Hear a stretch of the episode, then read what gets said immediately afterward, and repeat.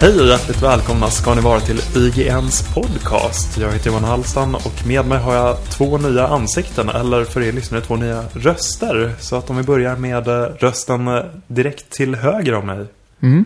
Jag heter Jesper Englin och jag känner att mitt ansikte är inte allt för nytt för mig i alla fall. Nej, men eh, för somliga andra. Ja. Kanske rent av rösten. Och bredvid Jesper sitter... Aldo Sartori. Eh, och mitt ansikte är också rätt bekant för mig själv faktiskt. Mm. Ja, men det, det är bra att vi, vi utgår ju från oss själva i väldigt många situationer. Precis. Och eh, ni är här för att ni är två eh, stöttestenar i IGN Sverige.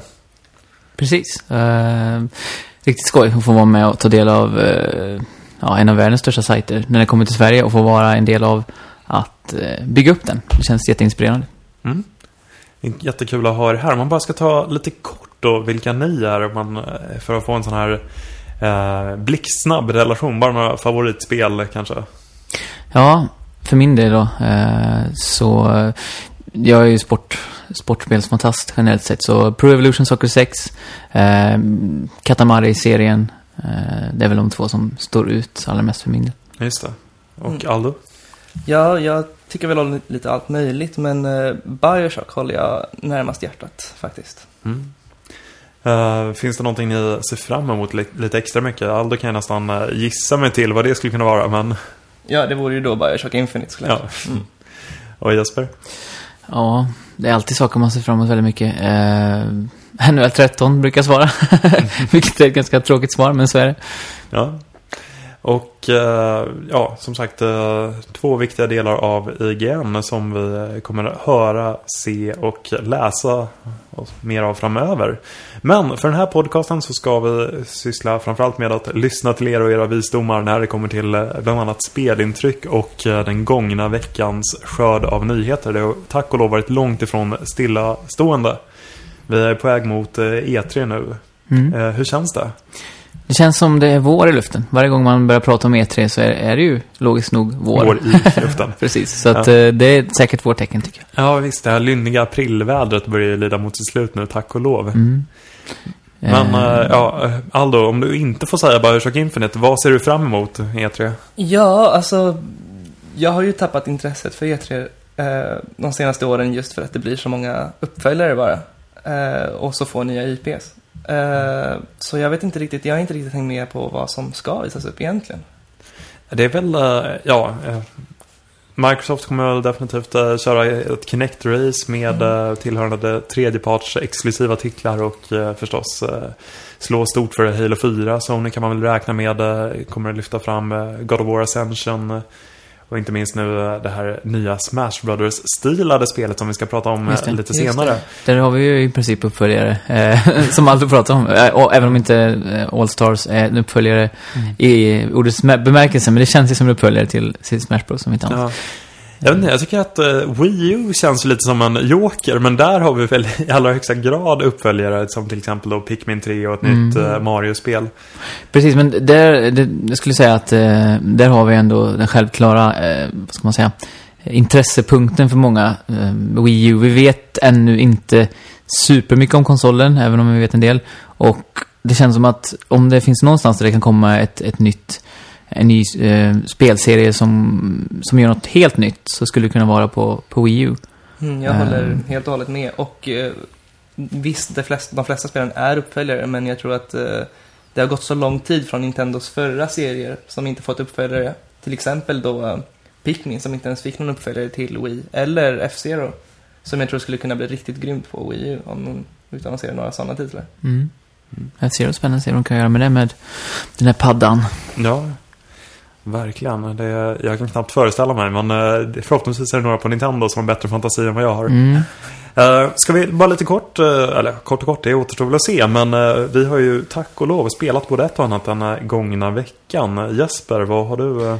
Jag har in fått sätta tänderna i Trials Evolution. Det här um, ja, Trials-spelet helt enkelt. Det är en företeelse där man tar sig upp för krångliga slänter och ner för krångliga slänter med en, en motorcykel. Ja, precis. Detta Eh, finska hantverk. Precis, och det är verkligen ett hantverk. Eh, Uppföljare till Trials HD. eh, Ett av eh, Xbox 360s, ja, bättre spel skulle jag nästan säga. Eh, Bara bättre? Ja, jag tycker nog att, eh, alltså om man räknar med, om man räknar på, på Arcade så är det väl förmodligen det bästa, om, in, om inte ett av de bästa. Men, men om man ser till hela konsolens eh, livslängd så tycker jag faktiskt att det står sig väldigt, väldigt bra fortfarande.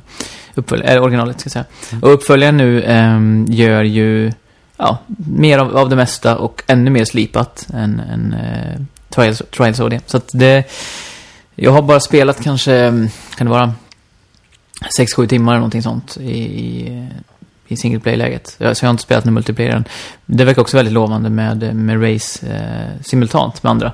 Eh, där man fortfarande, man krockar inte med varandra. Det, är- det är fortfarande det här Ghost-upplägget. där man- Ja, ja, okej. Eh, Men eh, man kan köra simultant, så man måste inte bara jaga eh, time trials-tider som andra har satt på ens eh, vännerlista, utan man kan även köra simultant med varandra. Mm. Så det verkar riktigt skoj. Och, ja, det här med, det här med eh, spöktider är ju eh, både eh, en, en, em, ett gissel och en underbar företeelse, måste jag säga. Ja, utveckla. Nej, men jag, jag har lite, litet autistiskt drag där. När det kommer till eh, att tävla. Eh, jag, jag kommer ju från sportvärlden mycket. Så jag har det här naturliga tävlingsinstinkten hela tiden. Och det är ganska jobbigt när man spelar ett spel eh, där en bana inte tar slut när man har klarat av den. Inte ens när man har fått guld på banan, som, som, ju, som man kan få tre olika medaljer. Och när man får guld på banan, då, då tänker man, ja men då ska man vara nöjd och gå vidare. Men då finns det alltid tre, fyra rackare på ens eh, vännerlista som har två sekunder bättre tid. Så man får sitta där och nöta banan i 45 minuter till innan man kan till, tillåta sig själv att gå vidare. Så att eh, det, det är mitt problem med spelet, eh, vilket ju också är en otrolig tillgång för att spel. Livslängden blir ju närmast oändlig när man Ja, jag tänkte säga det. Mycket spelglädje för pengarna, men sen vet jag inte, är det just glädje Ja, du känner? det är någon slags glädje blandat med stark ångest i vågor. Så det, det är som, ett, eh, som en berg och dalbana av känslor hela tiden. Ja, ja. Men mest uppåt. Eh, Kollar du så här eh, YouTube-klipp då på den mest effektiva vägen? Nej, alltså, det känns ju som, det känns som att, att göra som cyklisterna och, och injicera något olämpligt i blodet. Det känns ju, eh, nej, rent utav fusk. Så det, det har jag inte börjat göra än. Dock så kommer jag säkert komma till ett läge där jag är så pass desperat eh, så att jag kommer börja göra det. Men hittills har jag hamnat så högt upp på listorna så att jag har känt att jag ändå har kontakt med toppen. Så jag har inte behövt ta till sådana drastiska metoder än så länge. Jag känner ju igen mig i det där draget också. För mig kan det ju hända i vilket, liksom så här, det behöver inte vara ett bra spel för att jag ska bli sådär Nej. heller. Utan eh, till exempel senast nu i senaste Sonic-spelet, vad hette det? Sonic Unleashed kanske? Mm. Eh, så var det en kille i min friends list som hade någon sekund bättre än mig på Green Hill Zone. och det kunde jag inte ta. Och då blev det just det här att jag vände mig till YouTube-klippen och såg den snabbaste vägen.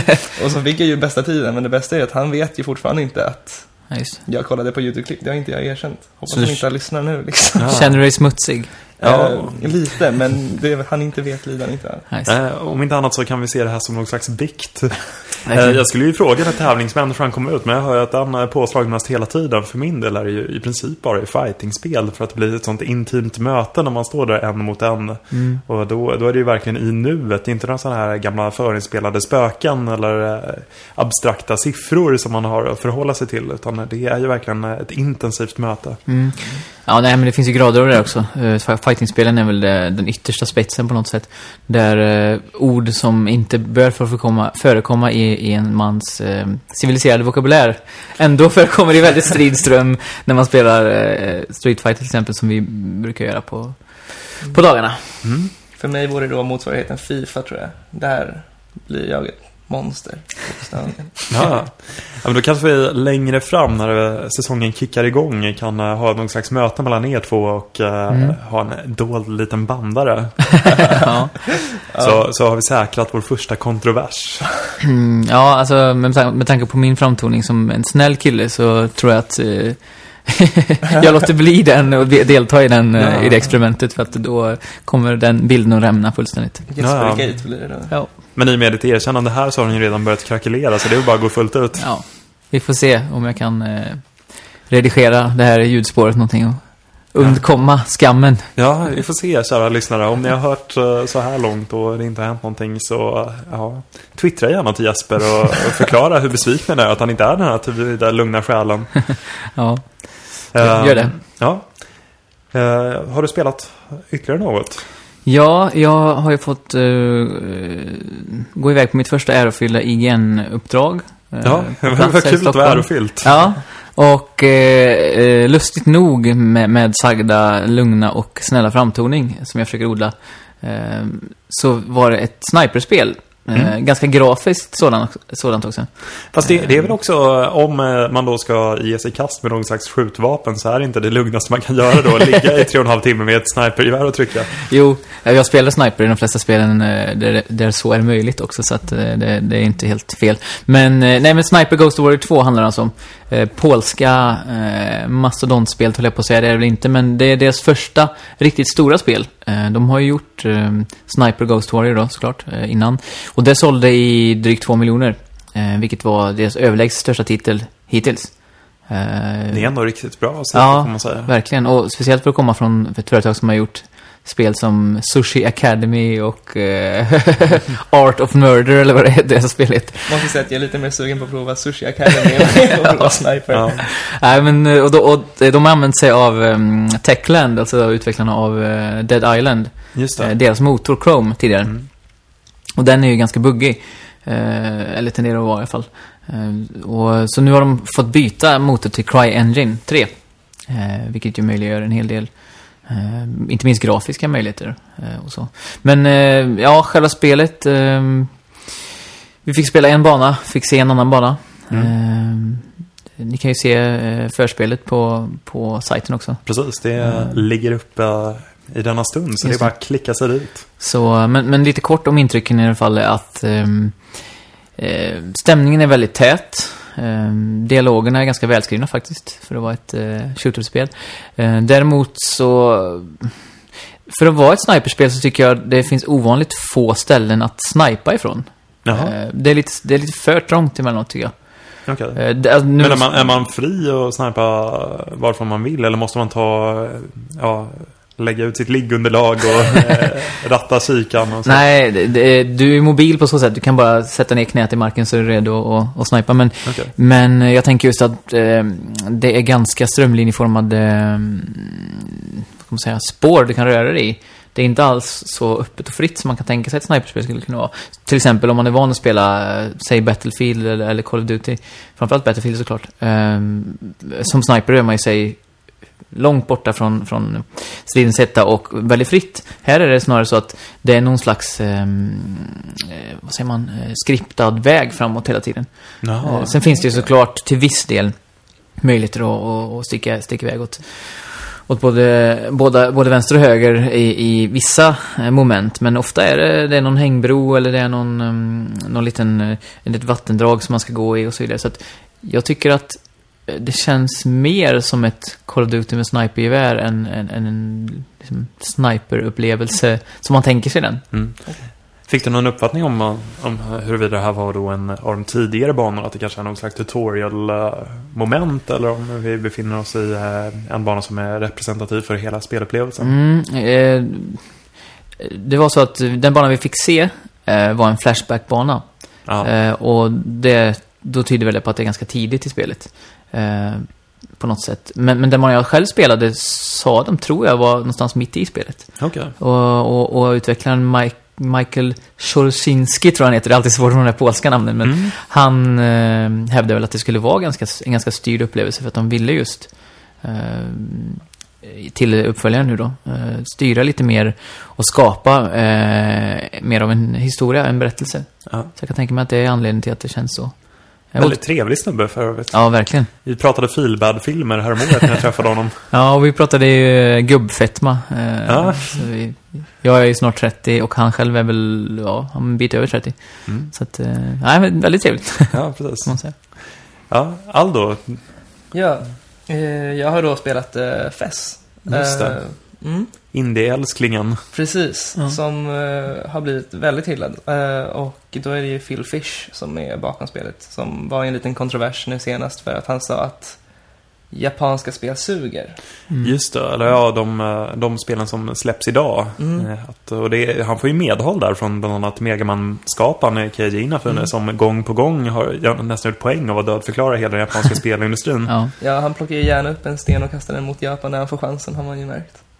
Eh, men eh, spelet, om man ska bedöma spelet i sig så, det är ju väldigt originellt och eh, konceptet är ju då att man kan vad ska man säga, vinkla banan utifrån fyra olika perspektiv. Och då är det väldigt mycket pusselelement och man ska ta sig fram genom att helt enkelt vinkla och hitta olika vägar.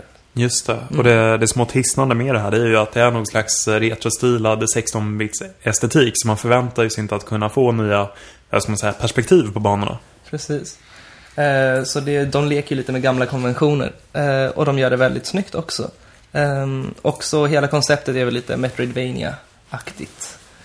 mm. men eh, sen, ja, spelet är väldigt bra och det är väldigt fritt. Eh, det som skiljer sig från andra Metroidvania-spel är att man oftast brukar behöva nya föremål för att ta sig längre fram.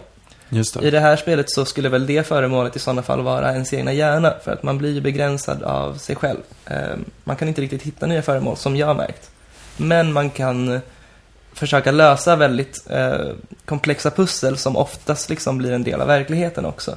Till exempel, nu senast så fångade jag en kub genom att eh, behöva fot eller skanna in en sån här, eh, vad heter de här koderna som man behöver fotografera? Mm, just det. Är det QR? Ja, QR-koder, precis. Det var en sån. Och då kände jag, okej, men det här är ju en QR-kod. Och så provade jag, laddade jag ner en app på min iPhone och skannade in den. Och så fick jag en kub.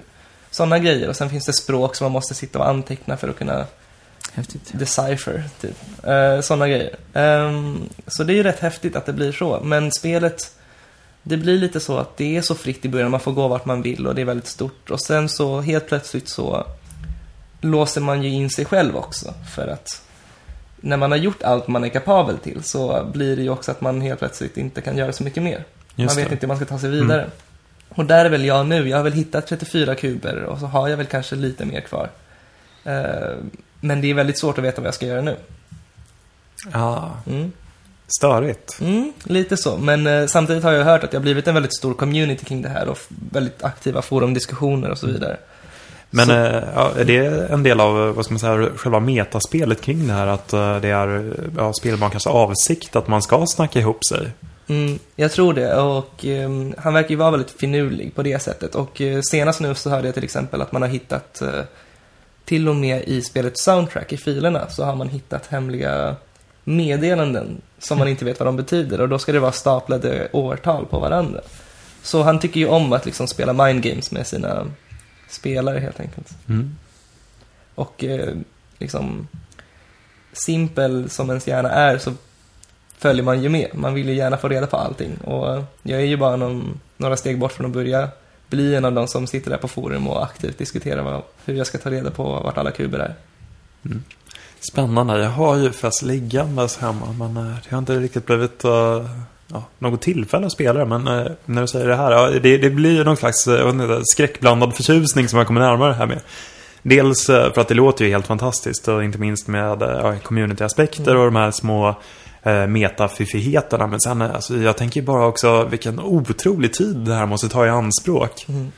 Ja, jag har ju haft min tenta nu på gång den senaste veckan och så har jag ju skiftat mellan att ha tentaplugget och eh, fest då. Och sen har jag ju märkt att jag inte längre riktigt kan avgöra vad som är skillnaden mellan plugg och plugg nu. Nu har jag bara blivit som ett slags plugg.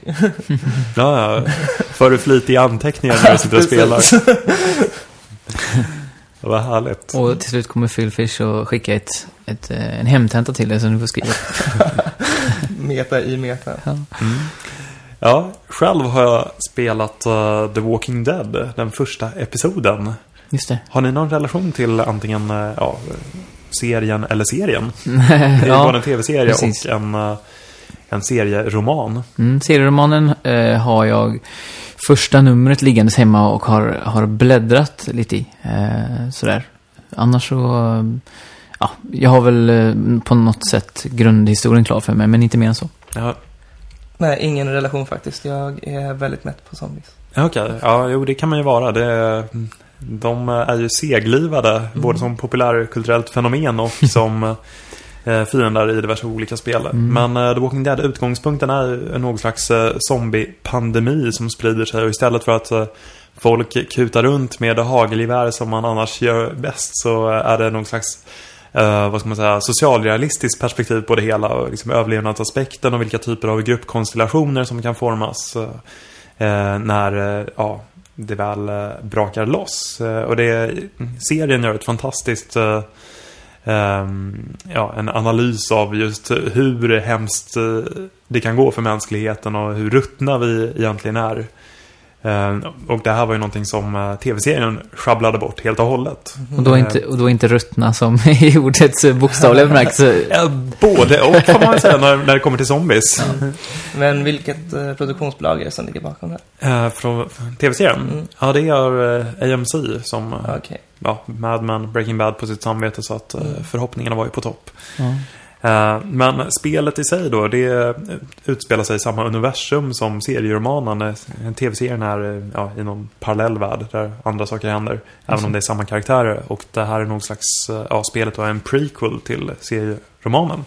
Så vissa karaktärer som kommer dyka upp i, ja, i serien stöter man på här.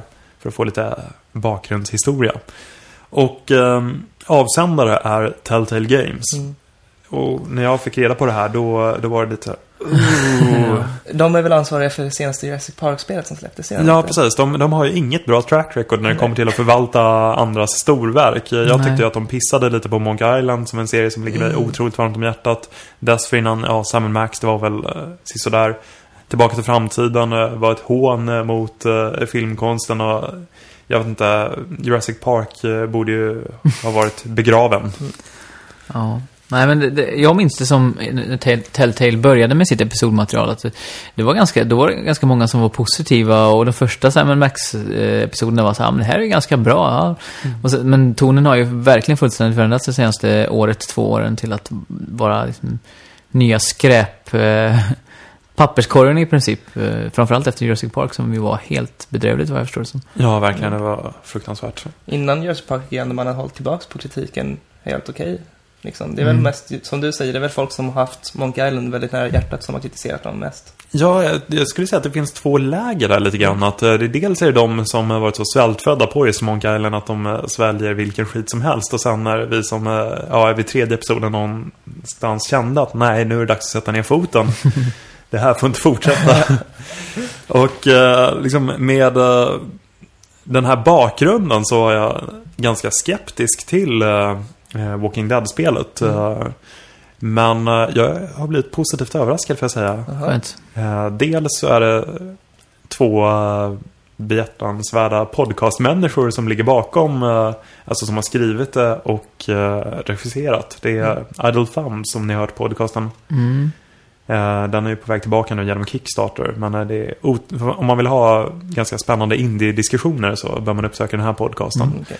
Och eh, ja, det är de då som jobbar på Telltale. Så att redan där i öppningssekvensen när deras namn svischar förbi så känner jag ett litet, litet lugn. Mm.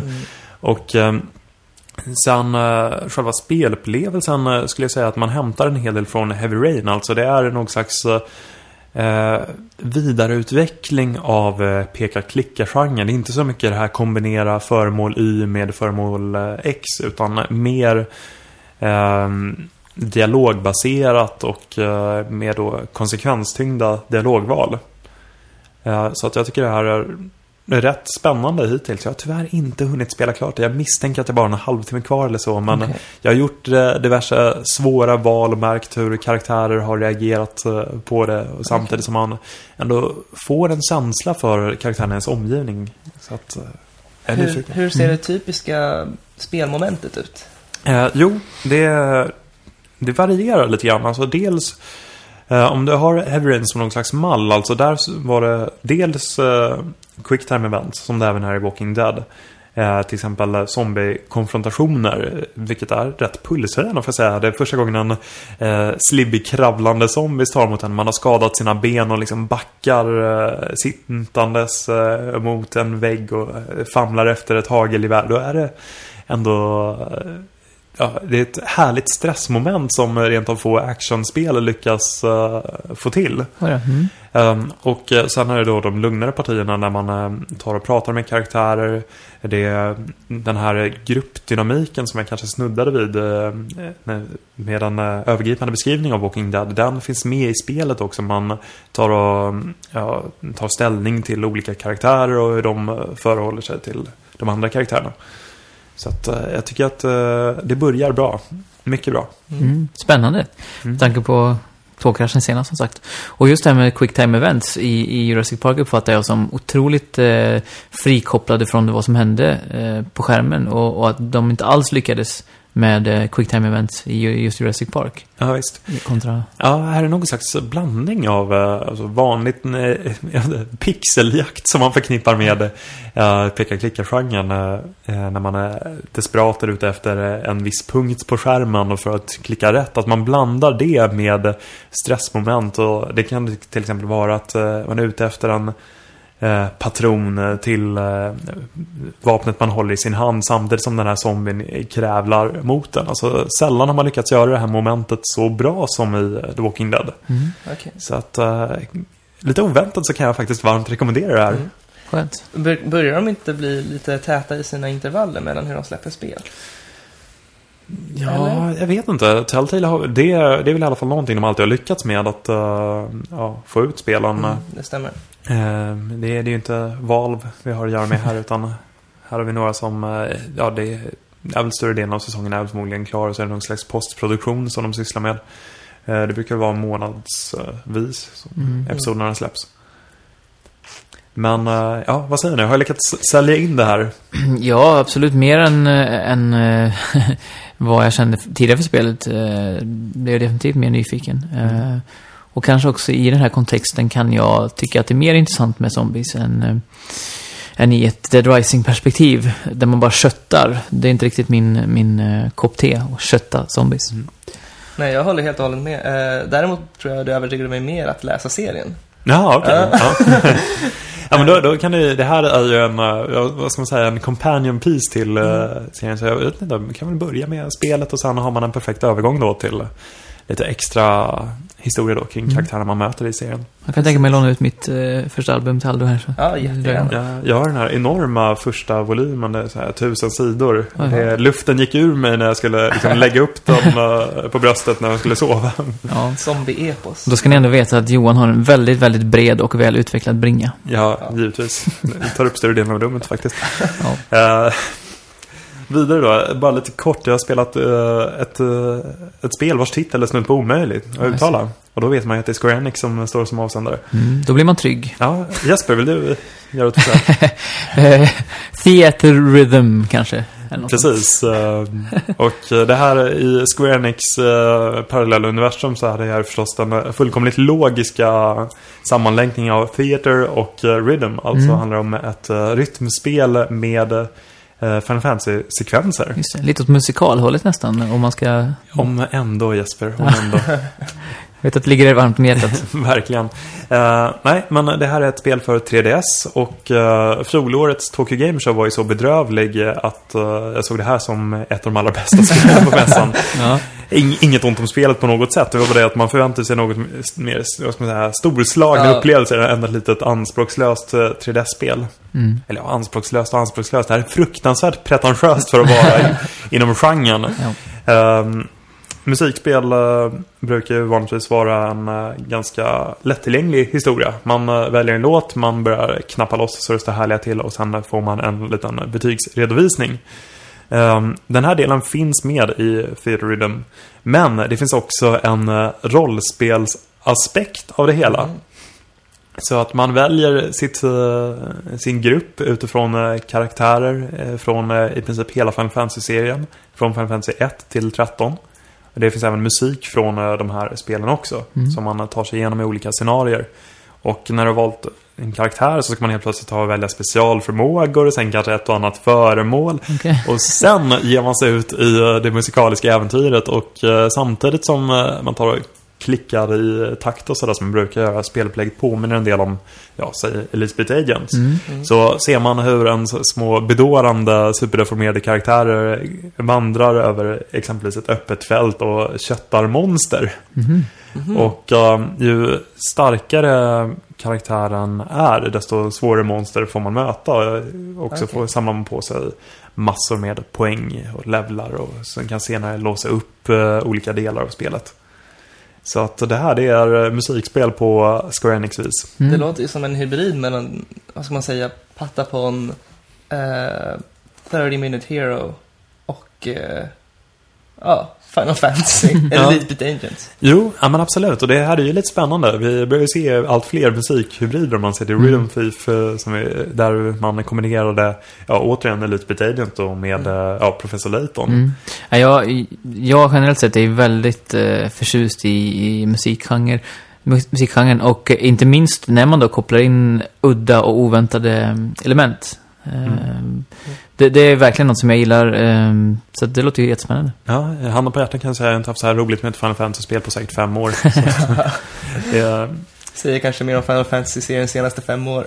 det, det gör det förvisso, men eh, jag provade förresten en ganska rolig grej. Det var ju, min, min startpunkt var Final Fantasy 7 och då var det ju sådana här klassiska teman som Aeris Theme och senare avslutet var förstås eh, överpampiga One Winged Angel. Mm. Och det var ju gåshud hela vägen och sen drog vi till Final Fantasy 6 eh, som också var några så här överklassiska stycken.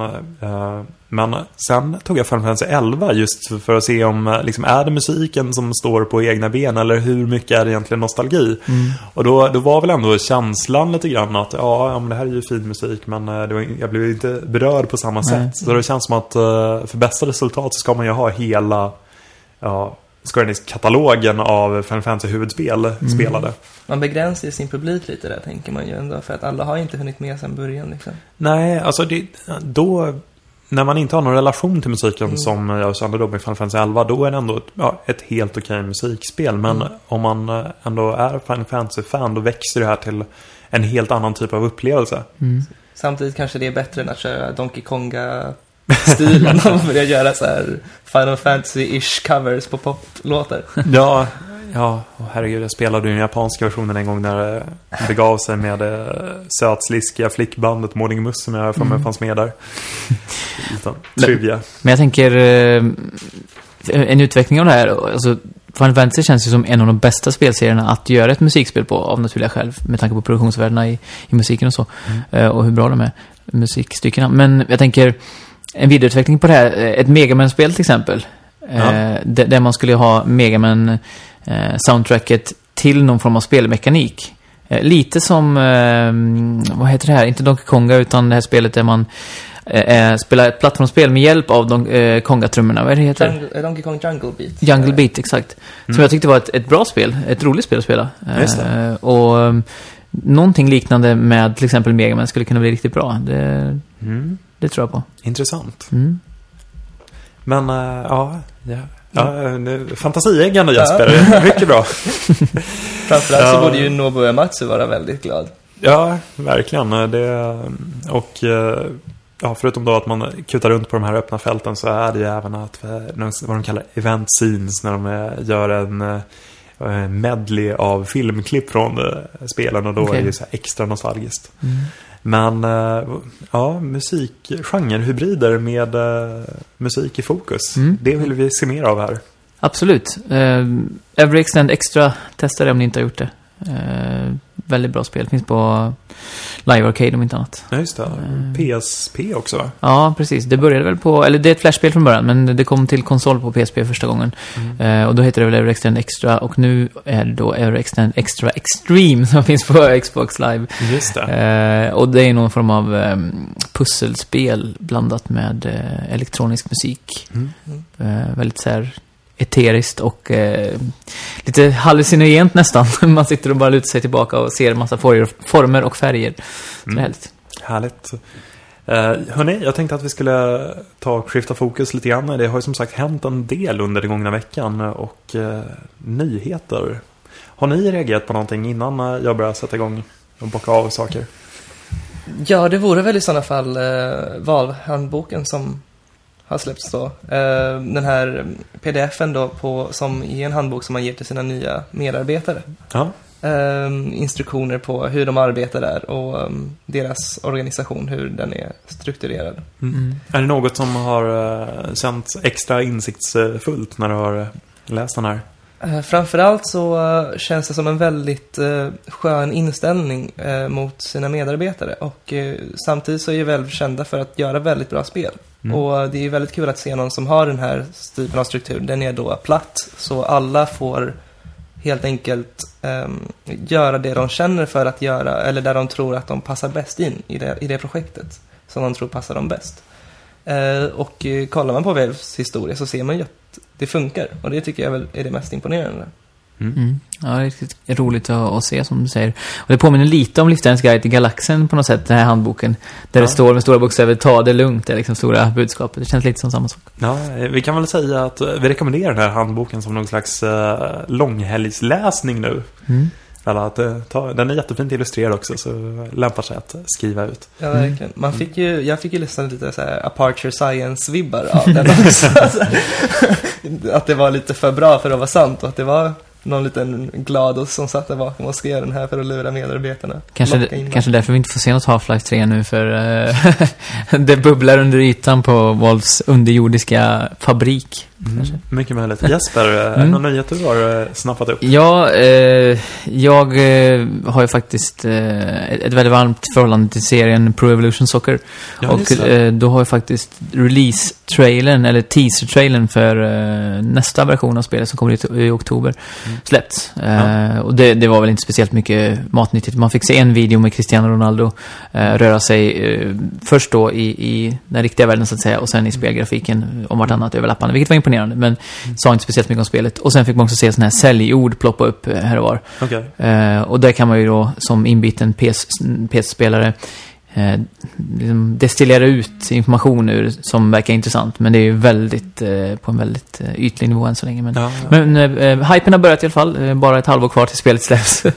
Som, som jag har förstått det så har eh, Pro Evolution Soccer förlorat mark mot Fifa de senaste åren. Vad beror det på? Eh, ja, Fifa har ju en enorm marknadsföringsbudget eh, och Pro Evolution har inte riktigt lyckats ta sig in på Next Gen eller Current Gen-konsolerna eh, på ett bra sätt. De har inte fått till spelmotorn alls. Men förra eh, Pro Evolution Soccer eh, och Fifa ligger väldigt nära varandra i kvalitet, Mm. enligt mig. Eh, så att de har tagit tillbaka lite marknadsandel. Och nu eh, får vi väl se. Nu är det lite så att båda spelserierna kanske går lite på tomgång.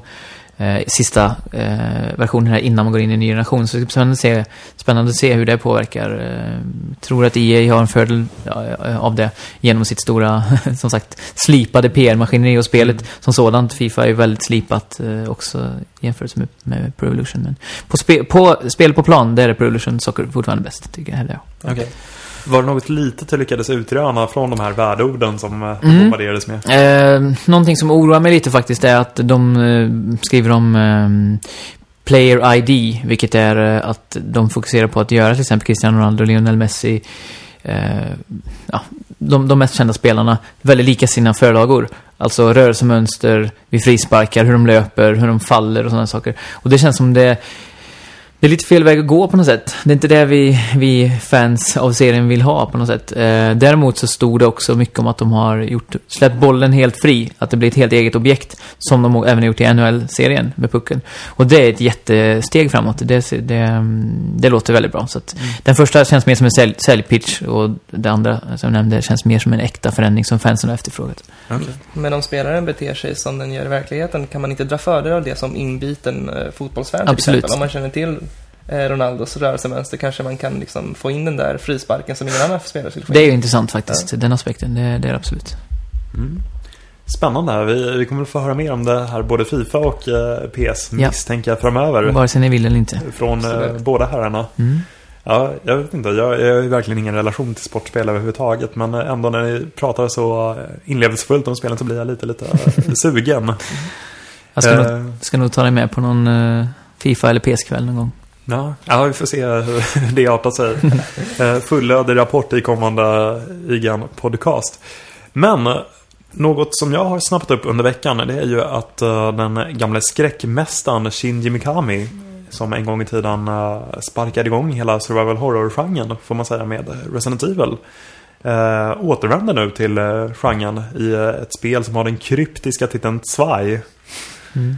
Japaner och deras fascination för tyskan, Så- den kommer fram igen. Det, det är ju någon gammal axelmaktsvinkel där som... Ja.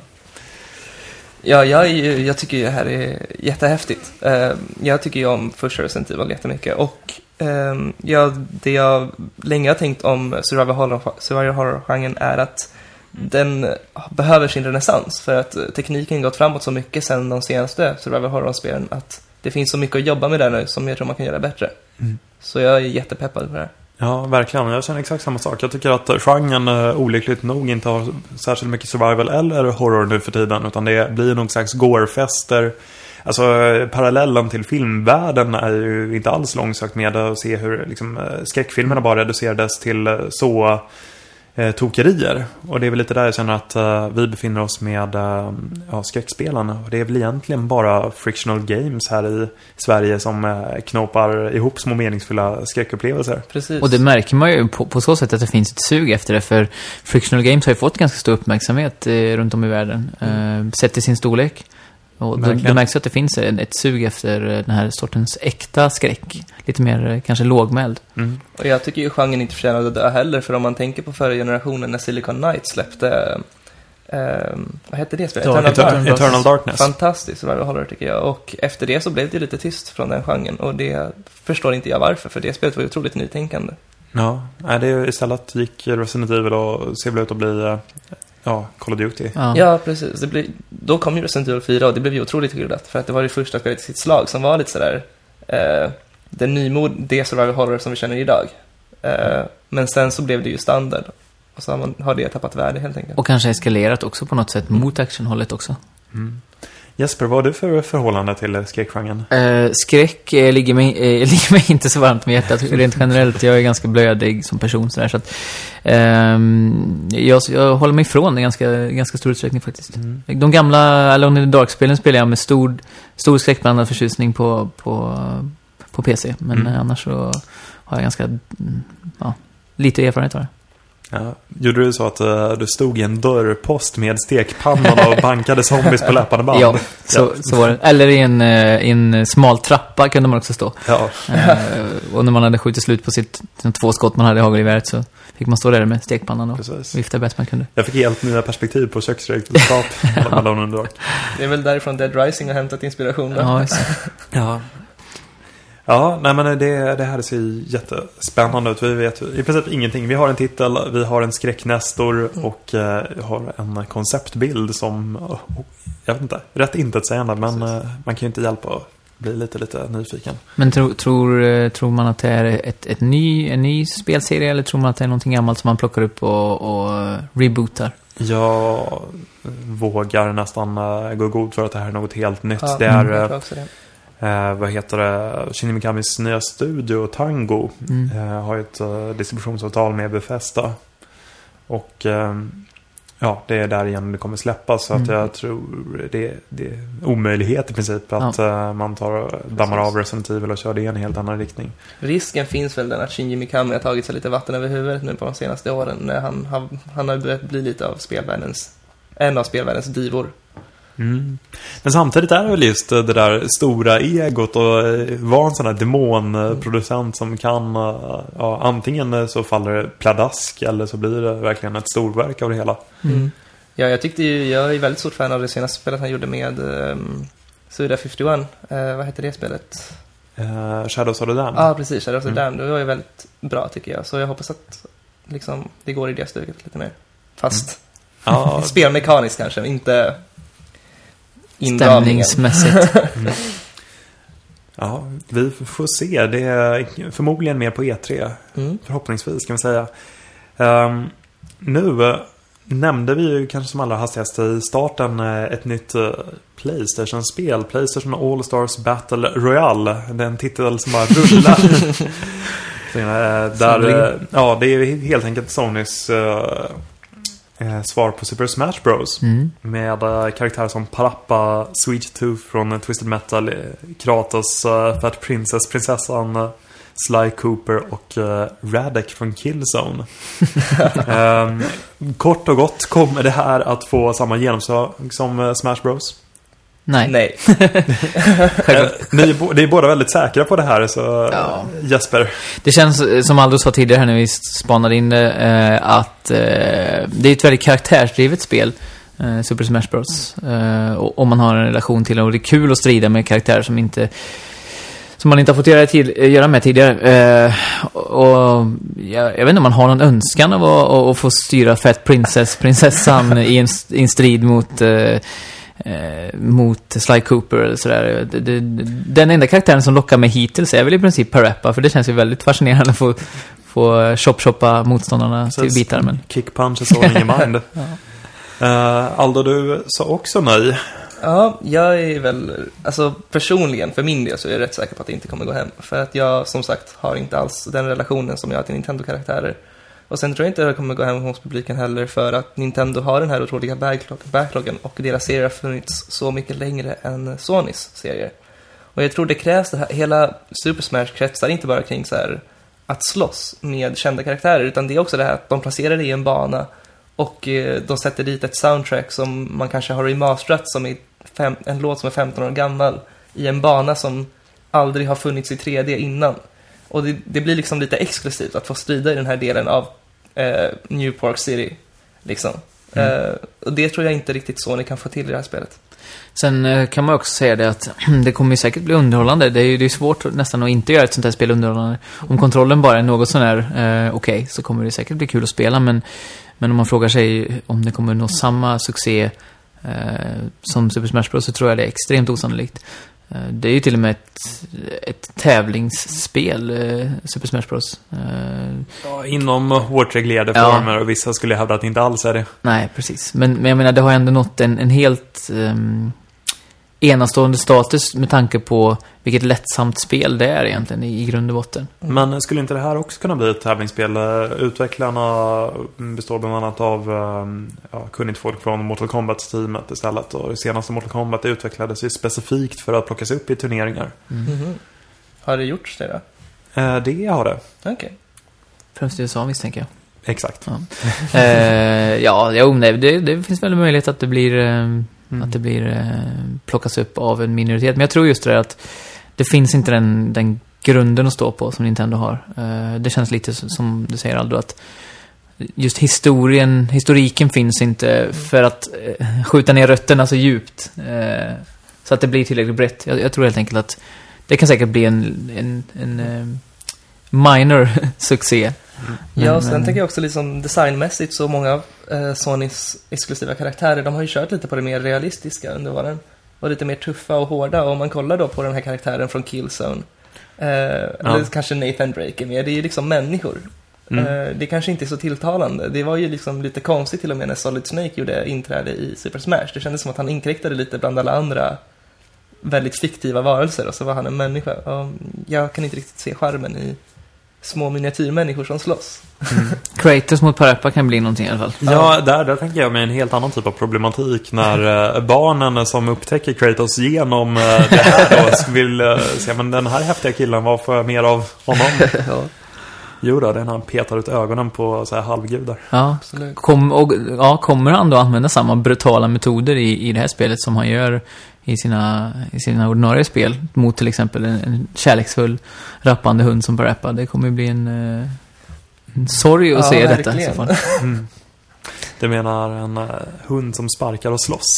ja, jag tycker han gör det på ett väldigt entusi eh, entusiastiskt och, och, vad säger man, ett sympatiskt sätt. Charmigt till och med, skulle jag säga. Rent av. Uh, ja, apropå charm. Uh, New Super Mario Bros 2 avtäcktes i helgen i och med en uh, sån här streamad Nintendo Direct-konferens. Och ehm, det ser ju fantastiskt ut. Det är ett 3DS-spel. Och något som också har dykt upp och som jag tycker är väldigt intressant i samband med det här. Det är att spelet inte bara kommer att finnas ute på butikshyllorna utan även samma dag som det släpps kommer dyka upp på den här e-shoppen.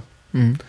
Och vad som visade sig senare var även att uh, Wii U-spelen kommer få liknande behandling. Alltså att eh, när ett spel släpps så är det dels i fysisk form men också för nedladdning. Och eh, jag blev förvånad. Men vad tycker ni det här säger om Nintendo? Det är otroligt progressivt jämfört med hur man är van att se dem hantera online. Med barriärer som är höga som The Wall i princip. För er som är Game of Thrones-entusiaster. Eh, men men ehm, det känns jättespännande och, och på något sätt känns det som att Wii U har ju fått väldigt mycket ehm, eh, kritik mot sig det senaste för att det hamnar återigen någonstans mitt emellan konsolcyklerna. Eh, och det här kan ju vara ett sätt att, att visa att man går i, i fronten för någonting, för det är det ju faktiskt. Eh, eh, det finns ju ingen annan utvecklare, eller ingen annan plattform ska jag säga, som, som gör det här, som släpper spelen samtidigt eh, digitalt och, eh, och på, på skiva. Så att det, det kan vara ett sätt för dem att visa att på något sätt så ligger de i framkant i alla fall. Precis. Ehm, ja, alltså, det är, precis som du säger så gör ju varken Sony eller Microsoft det här på sina konsoler. Eh, samtidigt är jag väl lite rädd att Nintendo går från den ena extremen till den andra och att det här kanske blir lite mycket, det blir kanske mer ett budskap än någonting. Så de har ju fortfarande väldigt mycket att bevisa fast de gör det här. Det är liksom, spelarna vill ju inte egentligen bara ha den här, de vill ju överlag ha bättre online-service. Liksom. Så man hoppas ju att de vidareutvecklar det Ja, just det. Du tänker att det här blir någon slags, eh, titta eh, så bra vi gör det här och så stannar det vid det istället för att erbjuda en bra, eh, ja, men som på Xbox Live till exempel, där man har Precis. väldigt lätt att kunna utmana varandra i spel och så Mm. vidare. Så här lite mer eh, strömlinjeformad eh, Mm, online-funktion. just det. Ja, det, det är väl en jättebra fråga där att se. Men eh, 3DSen är väl ett eh, snäpp bättre än eh, Wii och eh, Nintendo DS Mm. exempelvis. Så kanske har Nintendo lärt sig av sina misstag. Mm. Ja, jag hoppas det. Ja, verkligen. Det, är lo- det, det är lovande i alla fall, för Nintendo har ju många spel på sina konsoler som är väldigt roliga att spela tillsammans. Absolut. Eh, och då, att ge möjligheten till det i större utsträckning känns ju jättepositivt. Jag har ju haft en dröm sedan F-Zero GX släppte att spela um, F-Zero online med 32 andra spelare f- laggfritt liksom. Det vore Mm. helt fantastiskt. ja. Ja. Eh, hur ställer ni er till det här? Eh, kommer ni eh, köpa spelen i butik eller eh, lockas ni av att bara ladda ner med ett klick? Jag, jag tycker om, jag tycker om digital distribution måste jag säga. Man, man har blivit så van i alla andra former av, om man nu bortser från spelen då, att, att, ehm, att ta till sig all kultur digitalt i princip. Så jag känner att det är ett naturligt steg på något sätt. Sen samtidigt så eh, tycker jag ju om det här som alla brukar säga att om det är kul att ha en fysisk eh, utgåva, det är kul att vara på platsen där man köper den fysiska utgåvan på en spelbutik till exempel. Eh, men eh, nej, jag, jag tycker det är väldigt naturligt och smidigt. Mm. Jag tycker det är grymt. Eh, sen är ju problemet oftast när man kör på digital distribution eh, så brukar de sälja det lite dyrare än på återförsäljare. Det tycker jag är lite fräckt. Eh, och om det är så kommer jag inte köpa digitalt. Men i överlag så tycker jag om konceptet med digital distribution. Mm. Vi eh, går vidare. Från Nintendo till Nintendo. Det är ju så att eh, man har publicerat lite siffror och det är, jag ska väl inte säga att det ser mörkt ut för Nintendo med tanke på den enorma skattkista de sitter på, men ja, rent av lite ljust kanske. Man hade räknat med att förlora 800 miljoner dollar, men istället gick man eh, bara back 532 miljoner. Mm. Eh, när man ser sådana här siffror, eh, vad tänker ni då? Tror ni att, eh, får ni så här en känsla av att nu är, nu är det kört för Nintendo eller börjar ni tänka i andra banor? Jag, jag vet inte, jag tror inte, absolut inte att det är kört för Nintendo. Det är väldigt hårda ord, men samtidigt så är det ju liksom... Jag vet inte hur bra Nintendo står sig när till exempel Eh, Activision släpper ett nytt Call of Duty. Ehm, men man blir ju lite rädd att det är så att eh, First Person-genren håller på att ta över lite mer, till och med från kända varumärken från Nintendos sida. Och den tanken ska jag väl mer, för att jag tycker Nintendo har så mycket mer, så mycket spelglädje att ge spelvärlden. Min första tanke var väl att ja, de har samlat på sig så mycket pengar de senaste tre, fyra, fem åren så att någon gång måste det ju gå sämre. Snarare än att oj, det här är på väg utför. Så att, eh, ja, det känns mer som en, en, en tillfällig nedgång i deras kurva. Eh, Övertygad om att 3DS-försäljningen har ju tagit fart, även om den säljer med minus nu, som jag förstår, eh, per konsol sen prissänkningen. Och Wii U, eh, jag, jag, jag tror att det, det är snarare en reflektion av, av eh, ekonomi, det ekonomiska läget och en, en, eh, ja, en tillfällig svacka helt enkelt tror jag. Mm. Jag tror eh, att eh, ja, du eh, sätter fingret på något här. Alltså dels så närmar vi oss slutet av en konsolcykel. Vi har den ekonomiska krisen som vi nätt har tagit oss ur, om ens det. Vissa hävdar att vi fortfarande är mitt i den. Och sen är det ju ett nytt format i antågande som har förmodligen kostat fruktansvärda summor att utveckla. Eller utveckla. Så att jag tror att större delen av den här förlusten har att göra med just Wii U. Och jag skulle förvåna mig om Nintendo räknar med liknande siffror nästa år när Mm. den väl finns ute i butik. Absolut. Mm. Så länge de gör en grym E3-presentation för Wii U, till skillnad från förra året, så tror jag att de kan återhämta sig väldigt snabbt. Mm. Ja, den blir ju viktig på så sätt då, eh, Wii U. Ännu viktigare att den inte totalfloppar, vilket ju känns som ganska osannolikt ändå, även om många, tycker jag, inom svensk spelmedia eh, pratar om den i väldigt eh, så här, svala ordalag. Mm. Ja, det, det har väl framförallt att göra med att eh, man har egentligen inte så mycket mer än eh, fjolårets ET-presentation att gå på. Och den var tyvärr under all kritik. Mm. Wii, när den avtäcktes, den var ju så självklar. Alltså, så fort man såg den här fjärrkontrollen och bara ett par sätt hur den kunde appliceras som en eh, svärdsklinga eller tennisrack, då, då skenade fantasin iväg. Precis. Medan den här, eh, ja, mm, jag vet inte, jag satte väl rubrik på det som någon sån här eh, Fisher Price Tablet. Mm. Att, ja, det, man visste inte vad det var, man visste inte ens om det själva plattan var fristående eller Nej, som det precis. senare visade sig att den krävde en egen konsol då. Mm. Det var ju fin- väldigt förvirrat, hela den där presentationen. Verkligen. Eh, Men eh, ja, det ska bli spännande. Det, Nintendo är ju verkligen E3s stora joker. Och- Ja. Jag tycker det är tråkigt som du säger att de har fått lite negativ exponering på media för att eh, eh, det känns som att man efterfrågar så mycket likriktning och att det ska vara väldigt homogent, vilket Mm. jag tycker är tråkigt. Det här tycker jag är det mest spännande för att det är det mest annorlunda. Sen om det floppar eller inte spelar inte mig så stor roll personligen, men det är i alla fall någonting som inte är en renodlad konsol som vi känner den. Liksom. Mm. Jag tror att det är precis som i början med Nintendo DS att vi kommer få väldigt många spel där den här extra skärmen bara är en stor karta. Mm. Mm. Att eh, folk inte riktigt eh, ja, vet hur de ska förhålla sig till den och sen eh, blir det väl eh, Nintendo som får visa vägen. Mm. Mm. Men någonting som jag verkligen ser som en, en, en potentiellt eh, viktig sak för spel, det är att jag eh, älskar spel som inte har något interface i, eh, överhuvudtaget.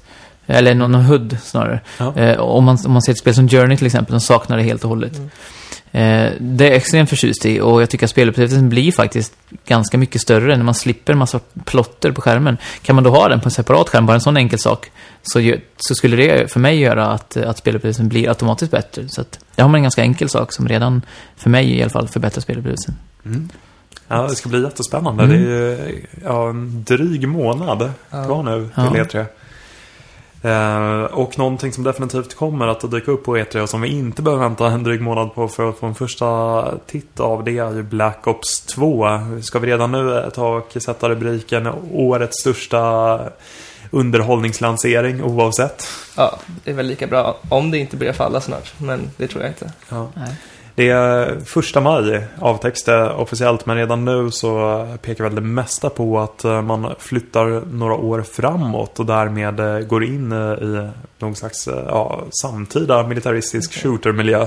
Mm. Eh, terräng som vi, ja, vi känner ganska väl vid det här laget får man säga. Det, ja, precis. Det har, det har stor potential att bli årets överlägset mest på, påkostade axelryckning, känner jag helt spontant. Ja. Men en sak som jag tycker är väldigt spännande med det här att de flyttar framåt, det är väl ändå den här överenskommelsen som Activision har med eh, Infinity Ward nu, att eh, de kommer väl överens om att man in, Treyarch får inte göra spel som utspelar sig efter en viss tid, för att framtiden tillhör Infinity Ward Mm.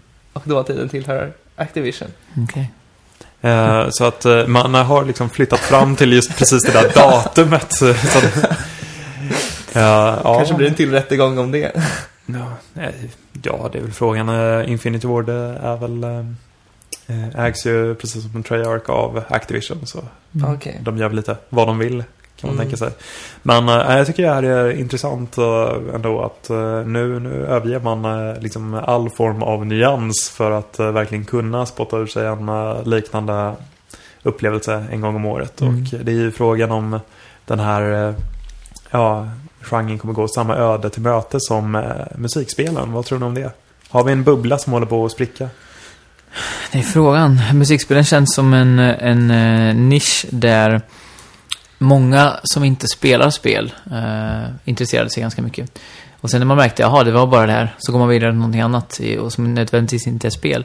Eh, men tittar man på sportgenren däremot, om vi tar tillbaka där igen, då får man ju ett spel varje år och volymerna fortsätter att hålla sig på samma nivå eller till och med öka.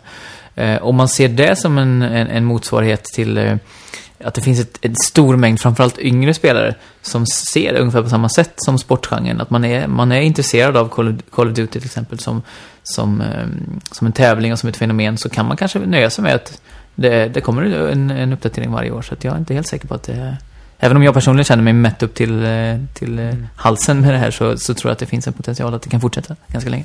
Ja, som du säger, jag tror också det, men jag hoppas inte det. Mm. Ehm, jag tycker det, det kan bli lite cyniskt när man ser spel som Call of Duty eller till exempel Sniper som säljer ändå rätt höga summor och sen när en ny produktion släpps så säljer det mindre fast det kanske har lite nyare tankar att komma med. Ja, precis. Det påverkar ju spelbranschen i stort såklart när man ser den typen av ehm, eh, vad ska man säga, skev fördelning Ja. av intresse och eh, investeringar. Men eh, Jesper, som du var inne på, ska man förhålla sig till eh, då Call of Duty-serien då som någon slags eh, ja, Fifa med automatvapen? Ja, men det, det känns som det är den naturliga eh, utvecklingen går på något sätt för dem också att eh, att erkänna på något sätt att ja, men det, det här är en spelserie som vi uppdaterar varje år för år. Jag menar, Fifa och, och NHL och PES gör ju ingen hemlighet i att eh, ja, de, de utvecklar det med små steg varje år och det är så konceptet ser ut och det, det köper man.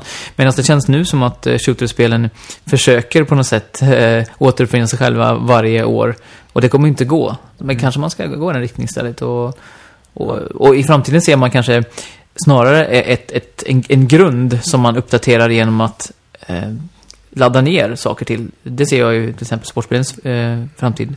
Att man har en grund där man eh, spelar i princip över en hel konsolcykel, kanske inte en hel, men och sen då laddar hem saker, till exempel uppst- uppställningar och kanske uppdateringar till, eh, eh, till spelet den vägen. Eh, och det, det, det ser jag likadan utveckling, utveckling för shooterspelen. Så att, det, det tror jag absolut skulle vara, eh, det gynnar utvecklarna också. Och bara säga det, okej, så här är det. Mm. Mm. Att, att uh, spelen i sig blir till egna plattformar mer Mm. än årliga uppdateringar. Precis, och där, är, där, däråt är det ju redan på väg med Call of Duty Elite till exempel. Eh, som ju är, är någon slags övergripande tävlingsscen för, för Call of Duty-spelen. Mm. Vi går eh, från ett första persons perspektiv till ett annat. Det är så att eh, tidskriften Wired möjligen, i alla fall deras spelblogg, intervjuade Ken Levine eh, häromdagen. Där eh, han menade på att eh, själva utvecklingen av eh, PS Vita Bioshock-spelet, att man dragit i nödbromsen där lite grann för att helt och hållet fokusera på utvecklingen av Bioshock Infinite. Vilka tankar är det som slår er när ni hör det här?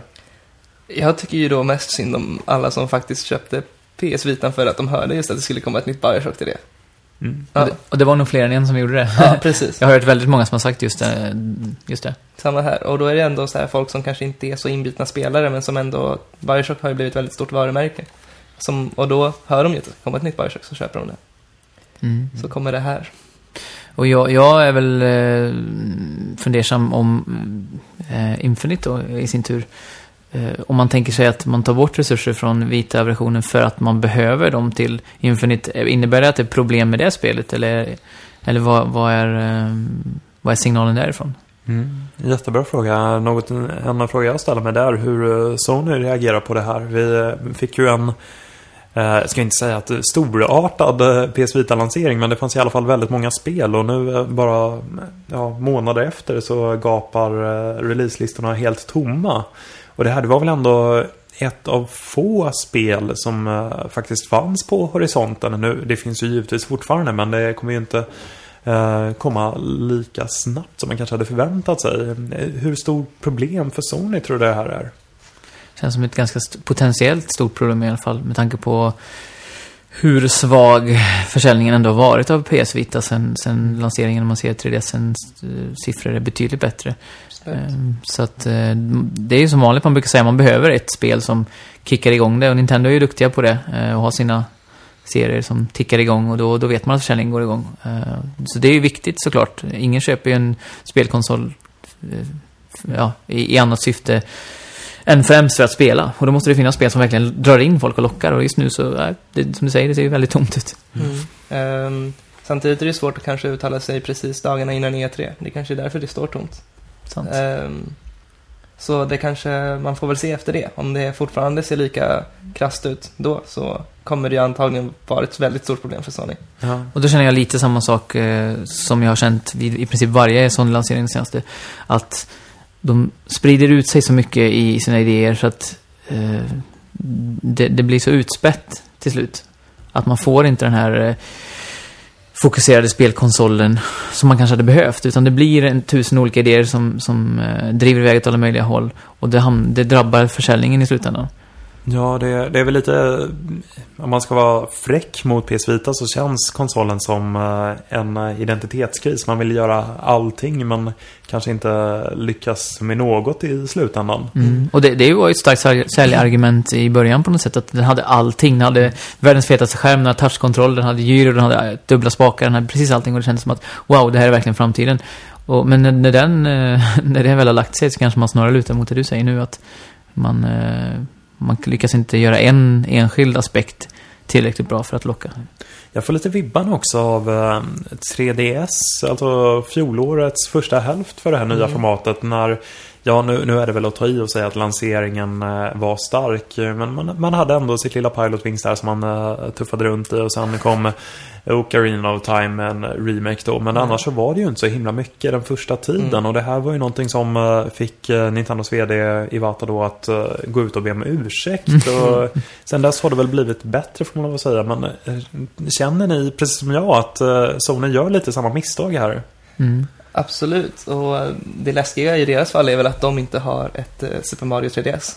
Ja. Mm. Det är väl det som räddade eh, 3DS och vände på steken liksom. Men eh, jag har svårt att se vad det skulle vara för spel till PS Vita just nu faktiskt. Bioshock. Ja, Och där har vi ju problematiken igen då på något sätt. Ja. Att eh, de hade nog behövt det här spelet, Sony. Mm. Eh, Ja, vi eh, dömer förstås inte ut Vita helt och hållet nu så här innan E3, efter E3, om det, ja förhoppningsvis så ser det ju inte likadant ut, men om det skulle göra det så finns det ju alla anledningar att börja oroa sig.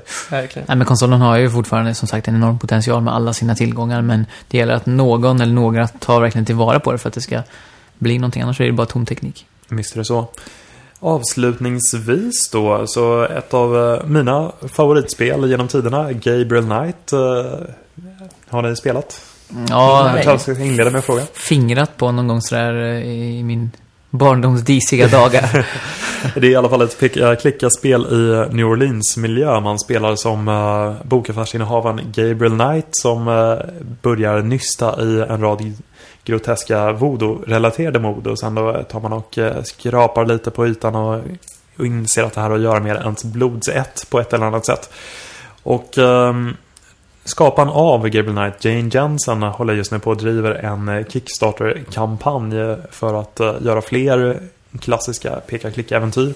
Men i en intervju nyligen så nämnde hon också att det inte är he- helt omöjligt, eller det ser rent av ljust ut för en remake av Gabriel Knight och med det är min lycka gjord. Så eh, vilka spel vill ni se få remakes? Ja, jag vet inte om jag skulle vilja ha en remake, men kanske en rebirth av eh, Earthbound. Ja, ja, ja. Mm. Har du spelat alla delar? Mm, faktiskt inte. Jag har nyligen tagit mig igenom den första delen. Okej. Eller, det blir Mother 2 blir det ju då, i och för sig. Mm. Inte- ja, så det är första Earthbound. Ehm, jag tycker det är väldigt mycket, det är vä- väldigt före sin tid tycker jag i sin dialog. Mm. Ehm, och jag tror att, och det är väldigt härlig stämning och det jag tycker om, det tv-spel allt för sällan gör, som jag tycker de borde göra mer, är att kretsa lite mer kring så här, ja det låter ju jättetöntigt, men lite mer så här allmän världslig kärlek. Liksom. Mm. Och det tycker jag det spelet gör. Det är väldigt så här in, ehm, gulligt och ehm, jag vet inte, det är väldigt mycket så här relationer Mm. till föräldrarna, till ens vänner, sådana grejer. Ehm, och jag tror att eh, det skulle, den moderna spelbranschen behöver det. Mm. Apropå just uh, Mother, jag spelade trean eh, till uh, GBA när det begav Mm. sig. Det är precis som du säger, de här relationerna lyfts ju verkligen fram och det är, det är en verkligen små quirky miljö som man rör sig vid där allting är eh, ja, de mest bisarra sakerna för, förefaller sig helt logiska. Men eh, alltså, trots att det rörde sig om pyttesmå pixelkaraktärer så blev jag märkligt rörd när, Mm. i vissa skeden av det. Och det hade att göra just med eh, ja, välskriven dialog och framförallt så här, helt bedårande pixelkonstverk. Just också så här att när man eh, möter någon i en strid så Mm. står det inte att man dödar den utan att man transformerar tillbaka den. Så oftast är det någon som så här i Earthbound som är sur eller galen och kommer att Mm. attackera den till en, en gammal dam som står så här crazy old lady attacks you typ. Och sen Mm. när man är klar så bara you transform the crazy old lady back to herself. Ja. Eh, jag har ju inte spelat uh, tvåan måste jag erkänna, men uh, trean, något vi var inne på tidigare i podcasten, det var ju de här musikspelshybriderna och fighting-systemet i Earthbound 3. Det är ju att man ska trycka i takt med attackerna man gör. Mhm. Är det så i tvåan också? Nej, då, är- det är ju därför jag också skulle vilja se en remake. För att det är helt enkelt, ni vet, eh, Pokémon Blue and Red strider. Ja, ja. I princip så, fast ännu mindre djup. ja okej. Mm. Mm. Jesper, blir du, du, du är ju vän av japanska rollspel och musikspel, inte minst. Mother Verkligen. 3. Mm, nej, det, det låter jättespännande. Eh, jag har skrapat lite på ytan eh, på, på serien. Bara sådär någon emulator någon gång i tiden. Ja. Eh, sånt gör jag förstås inte nu för tiden. Det var ju länge sedan. Givetvis inte. Eh, nej, men ja, nej, det låter spännande. Mm. Någonting annat som, som jag skulle tycka var spännande är om man fick en, en smartphone-remake på gamla PC-spelet Lands of Lore, om ni spelade det. jajamän. Ett, vad ska man kalla det, Dungeon Crawler-spel kanske, eller? Ja, I, det, I första person. det var det. Eh, och karaktärerna minns jag som väldigt, eh, ja, på, på den tiden, eh, vad ska man säga, mångfacetterade och intressanta. Och jag tyckte världen framförallt hade en väldigt speciell stämning och musiken eh, gjorde sitt till. Så att, eh, jag tyckte det skulle kunna passa bra på, på en smartphone. Mm, om jag inte missminner mig så var det Patrick Stewart som gick in i en roll där. Ja, var han kung eller? Han brukar spela sådana han roller. brukar vara. ja, Han har en kunglig air. verkligen. Ja, och sen, sen måste jag säga ett, ett annat spel som jag jättegärna skulle se en, en till exempel en Wii U-remake eller till och med, ja, det skulle ju aldrig hända, men på, på eh, Live Arcade eller Playstation Network. Eh, Ice Hockey eh, till, eh, Mhm. till NES. Eh, Mm. som ligger, det ligger ju väldigt många varmt om hjärtat. Även, även spelare som in, absolut inte spelar sportspel normalt sett har ju en relation till Ice Hockey många Ja, gånger. visst är det så. Eh, just det här konceptet att man eh, får välja en smal, en eh, mellanstor eller en tjock gubbe att spela med. Och alla hade sina olika uppkonstellationer. Jag spelade till exempel med två tjocka och eh, eh, två normala och en smal. Ja. Mm. Eh, Vad är fördelarna med det? äh, två tjocka backar som kunde skjuta hårt. Och sen lite snabba forwards. Okej. Ja, de, eh, de tjocka, de eh, plöjde igenom vad som helst. Ja. Ingen rörde på dem. Nej, nej, men så det tror jag. Det skulle kunna bli en hit. Och det skulle vara väldigt kul att se en, en, eh, en uppdate- uppdatering av det. Jag skulle ju då också vilja att man skulle göra lite mer tvärtom. Att man tog moderna spel och satte dem i lite mer gammaldags kontext. Mm. Mm. Eh, till exempel skulle jag jättegärna vilja ha ett, eh, ett Pikmin i pixlar. Mm. Så, lite mer sådana grejer. Ja. Absolut. Ja, vi får se. Man, man kan i alla fall drömma sig bort genom att bildgoogla D-makes. Mm. Mm. Där, Absolut. eh, ja, det, jag tror att det finns någon så här helt fantastisk liten bild där, vad heter det, Bioshock tolkas om i eh, monokrom GBA-miljö. Ja, och det, det finns ju ett sånt inslag i, i, även i, i tidningen Level som du framförallt jobbar med ju. Ja, Eh, där man presenterar, eh, det heter, heter det D-Make? Nej, det, Nej. det, det fanns eh, ett, ett moment, eller en sida tidigare där vi bland annat kunde se Bayonetta som en bullet hell shooter. Just det. Mm, just Men det. annars så är det Viktor Sjöström, vår här, IGN-kollega som tar och knypplar ihop sådana här hack, som Ja. man kallar det. Mm. Där de mest osannolika av spelvärldar möts. Mm. Och med det sagt så har vi releaserna kvar för veckan som kommer. Vi har eh, Back to the Future The Game. Om man är nyfiken på Telltale när de inte var så himla heta som de var i Walking Dead så kan man kika in det här. Vi har också Bejeweled 3 för konsoler, alla möjliga. Mm. Eh, vidare, Sniper Elite V2. Mm. Det, det är lite... Det ska vara, ja, det ska vara lite mer eh, en simulator än vad eh, Ghost Warrior 2 är, som är mer eh, en eh, filmisk eh, upplevelse. Mm. Och apropå simulatorer så har vi Street Cleaning Simulator. Oh, Oh. äntligen. Äntligen. Eh, helt fantastiskt. Jag tycker det lät rätt tungt ändå. Mm. Eh, någon vacker dag, jag har sagt det här i många år nu, så ska antingen jag eller någon annan här på produktionen eh, ta itu med alla de här simulatorerna. Kartlägga, vi ska bli eh, ja, gatusopare, vi ska köra skördetröskor Skogshuggare. och eventuellt bli skogshuggare. Det tycker jag att vi lovar varandra här och nu. Att vi tar hand på det tycker jag. Ja. Ja. Och med det sagt så äh, återstår väl bara kontaktinformationen. Aldo, hur hittar man dig? Jo, ni hittar ju mig på Twitter på aldo-sartori. Eh, eller på min mail, aldolsartori.gmail.com. Mm, Och på IGN såklart. givetvis. Jesper? Mm, även mig på, på IGN och eh, på Twitter som Jeppe Joy. Alltså Jeppe och sen Joy som i glädje. Mm. Eh, ja, det är väl det mesta där. Och sen diverse andra